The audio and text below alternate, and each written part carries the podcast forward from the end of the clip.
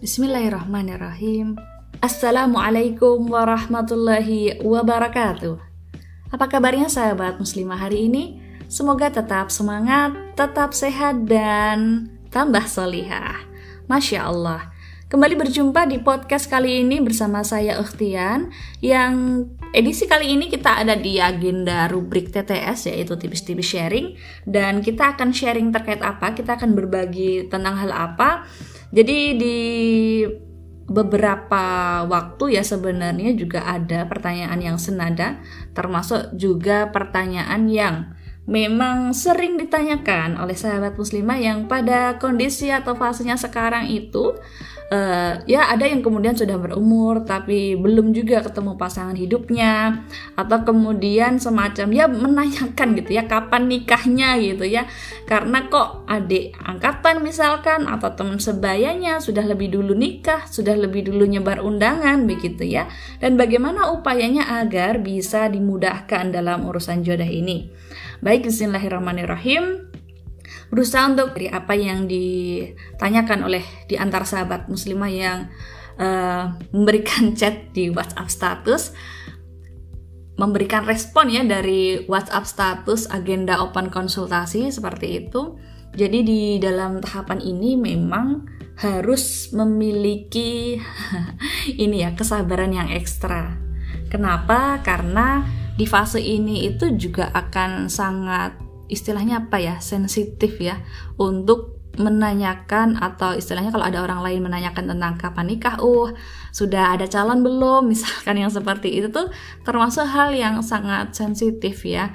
Uh, artinya cukup mampu untuk memancing sumbu pendek itu ya, atau mungkin emosi sesaat atau mungkin jadi semacam apa ya bete gitu ya ditanyainnya seperti itu. Nah tentu kan butuh ekstra sabar ya lagi-lagi di uh, kondisi ini apalagi ini pertanyaannya bukan satu dua. Bahkan misalkan dari orang-orang di sekitar kita keluarga kita atau teman-teman yang lainnya itu sudah menjadi pertanyaan yang sering disampaikan. Nah sekarang tinggal bagaimana kita menyikapinya Selain daripada posisinya harus memiliki kesabaran yang ekstra, selanjutnya kita tentu harus memahami ya tentang pembahasan kodok dan kodar. Jadi kalau kita membicarakan tentang urusan pasangan hidup, tentang urusan jodoh begitu ya, hakikatnya perkara jodoh di masa mendatang ketika seorang akhwat belum ber, belum menikah, belum bertemu jodohnya, itu insya Allah pasti sudah Allah putuskan, sudah Allah tentukan kepada siapa akhwat tadi kelak akan berjodoh. Seperti itu ya. Jadi hal ini yang sebenarnya juga akan membuat ketenangan tersendiri ketika seorang atau sahabat muslimah e, memahami tentang konsep jodoh ini sendiri begitu ya. Jadi sebenarnya sudah Allah tetapkan gitu kan. Nah, saat ini tinggal bagaimana di area yang dikuasai oleh manusia di mana ketika seorang akhwat sudah e, siap gitu ya untuk menikah, maka dia usahanya seperti apa untuk menjemput pasangan hidup tadi.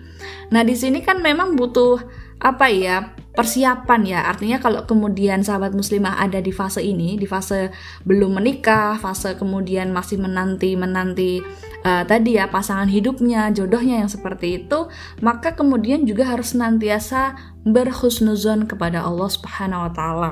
Jadi dalam hal ini harus apa sih? Harus berprasangka baik kepada Allah.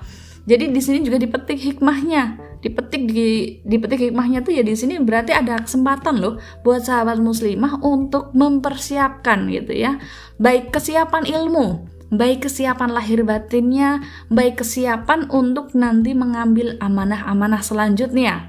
Karena pada posisinya, ketika seorang akhwat itu nanti menikah, itu bukan berarti semacam mengurangi amanah, bukan. Tetapi yang terjadi adalah apa? menambah amanah gitu ya menambah amanah. Ya kan istilahnya posisinya nih dia masih single berarti dia punya kewajiban kan kepada orang tua untuk berbakti kepada kedua orang tuanya seperti itu. Nah, ketika dia menikah berarti dia nambah amanah dong. Amanah apa? Untuk menjadi istri yang itu nanti memiliki kewajiban taat kepada suami tatkala suami tidak mengajak kepada kemaksiatan. Jadi ini perkaranya apa sih nambah amanah? Berarti harus siap gitu ya untuk mempersiapkan hal itu.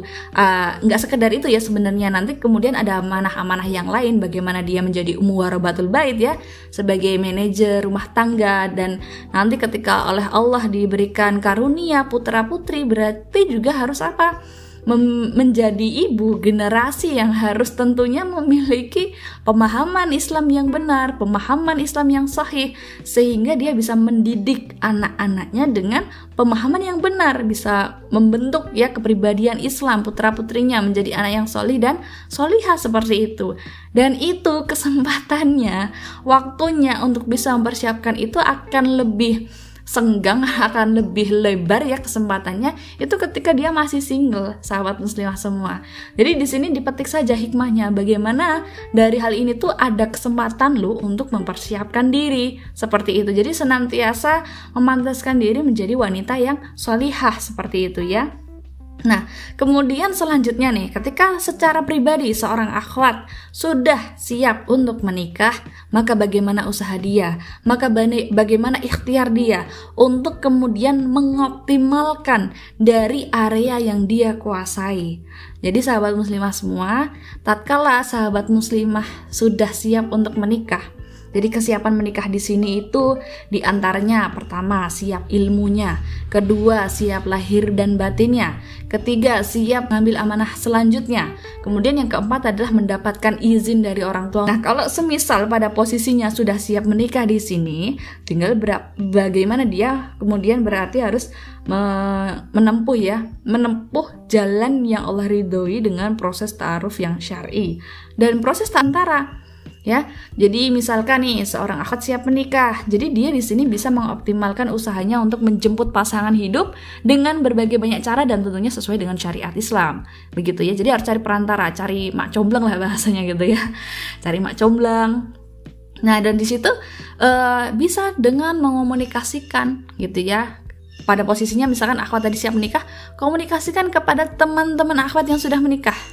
Ya, jadi yang menikah loh ya Artinya kalau punya kenalan Mbak A, Mbak B, Mbak C, Mbak D, oh mbaknya itu semuanya sudah menikah, dikomunikasikan saja, dikomunikasikan saja. Misalkan Mbak saya sudah siap menikah, punya kriteria atau mungkin sudah buat CV ya, buat data pribadi ya, eh, CV untuk taruh misal seperti itu itu bisa dikomunikasikan kepada mbak-mbak yang sudah menikah agar mereka bisa menjadi perantara. Artinya nanti kalau misalkan ada ikhwan yang siap menikah, jalur komunikasinya itu dengan suami mbak teman yang sudah menikah tadi gitu ya jadi kan akhwat ke teman mbak-mbak tadi yang sudah menikah baru ke suaminya baru ke ikhwannya jadi kalau ikhwan ke suami baru ke suami teman tadi temannya yang sudah menikah tadi seperti itu.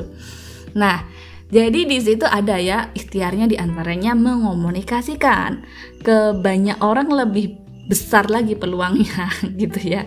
Jadi nggak hanya sekedar ke satu orang misalkan dia cuma ngomong ke saya aja misalkan Kak Tian minta tolong ya kalau ada ikhwan yang sudah siap nikah nanti hubungi aku insya Allah uh, udah siap ya itu ya. Nggak hanya sekedar satu orang tapi bisa sebanyak-banyaknya. Sebanyak-banyaknya di sini itu juga tentu memperhatikan uh, orang tersebut amanah atau tidak ya untuk bisa menjadi perantara. Karena memang nggak semudah uh, semudah apa ya ada orang A langsung kemudian minta diproses bukan yang seperti itu tapi dipastikan memang orang terpercaya dalam hal ini bisa menjaga amanah seperti itu.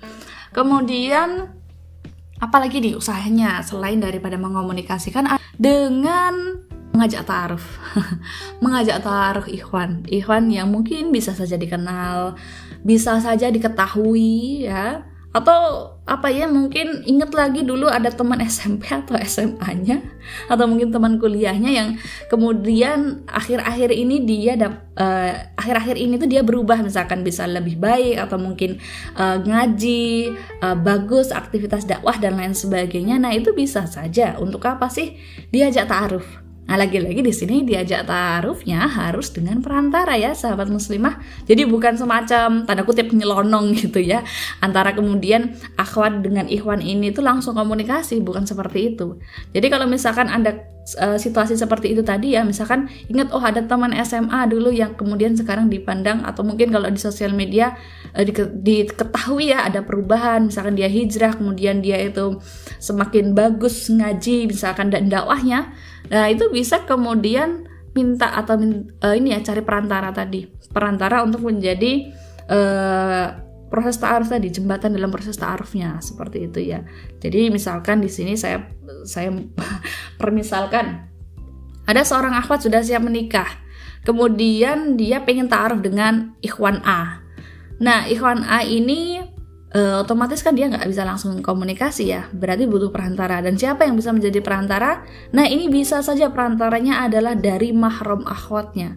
Jadi ah, mahram mahram akhwatnya itu siapa? Ya di antaranya bisa ayahnya atau bisa paman atau omnya atau bisa juga ini ya kalau punya adik atau kakak kandung laki-laki yang sudah balik. Ya jadi bisa aja di antara salah satu mahram itu menjadi perantaranya.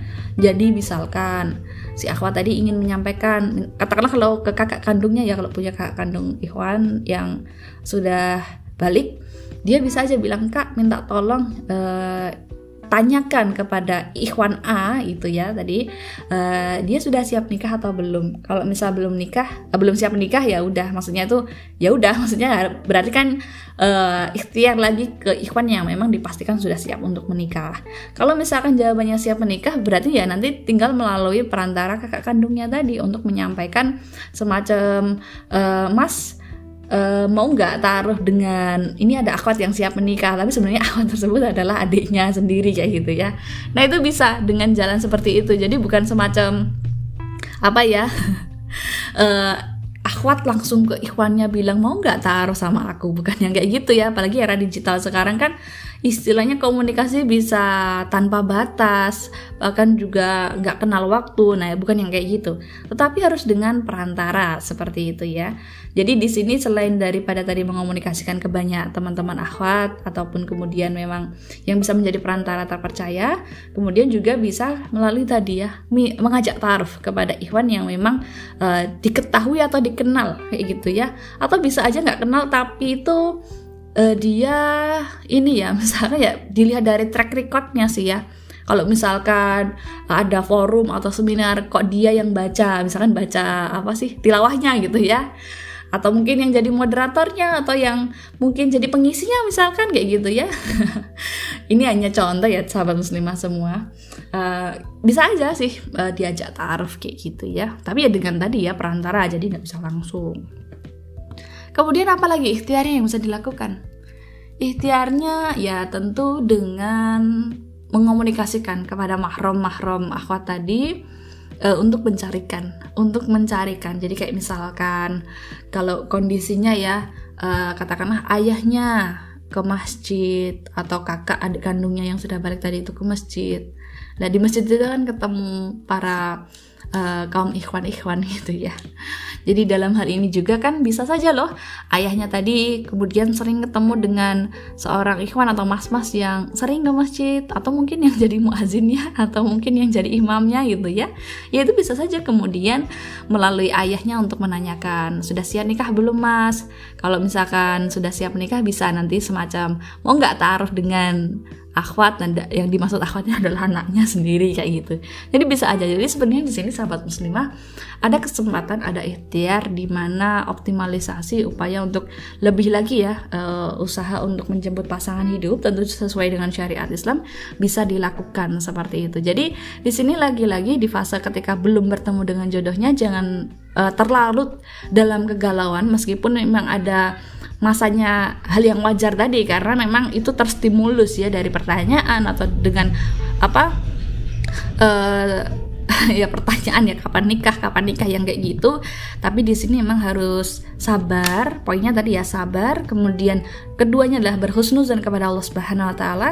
Ketiganya adalah berusaha untuk mengisi waktu mengambil hikmah di balik uh, saat ini ya kondisi sekarang itu harus senantiasa memantaskan diri menjadi wanita yang solihah kemudian yang keempat adalah mengoptimalkan ikhtiar dengan proses ta'aruf yang syari dengan keoptimalan yang memang berusaha untuk benar-benar uh, optimal seperti itu Insya Allah demikian semoga bisa menjawab mohon maaf apabila ada kekurangan Wabillahi taufiq wal hidayah. Wassalamualaikum warahmatullahi wabarakatuh.